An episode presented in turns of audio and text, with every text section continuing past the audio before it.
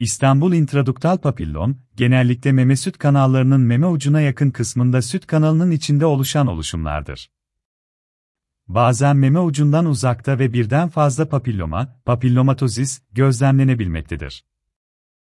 İstanbul intraduktal papillomlar meme ucuna yakın bölgede bir süt kanalının içinde, genellikle orta yaşlı kadınlarda ortaya çıkmakta ve meme başı akıntılarına sebep olmaktadır. İntraduktal papillom, meme başının arkasında bulunan süt kanalcıklarının içinde meydana gelen iyi huylu tümörler olarak tanımlanabilmektedir. İntraduktal papillomlar meme başında çoğunlukla kanlı veya şeffaf olmak üzere, bazen de sarı, yeşil veya kahverengi meme başı akıntılarına sebep olabilirler.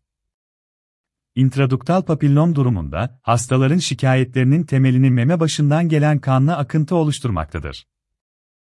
İntraduktal papillomun belli başlı özelliklerini şu şekilde sıralayabilmekteyiz. İntraduktal papillom, genellikle meme ucuna yakın süt kanalının içinde meydana gelen, sil gibi, et beni gibi gelişim gösteren yapıdadır. İntraduktal papillom, ortaya çıktığı bölgede bir yumru oluşturarak, beraberinde ağrıya sebep olabilmektedir. Hastaların çoğunun şikayetini oluşturan meme başı akıntısı intraduktal papillomun özelliklerinden birini oluşturmaktadır. İntraduktal papillom, meme başından gelen, berrak, kanlı veya başka renkte akıntılara sebep olabilmektedir. İntraduktal papillom, ortalama olarak 35-55 yaş aralığındaki kadınlarda ortaya çıkmaktadır.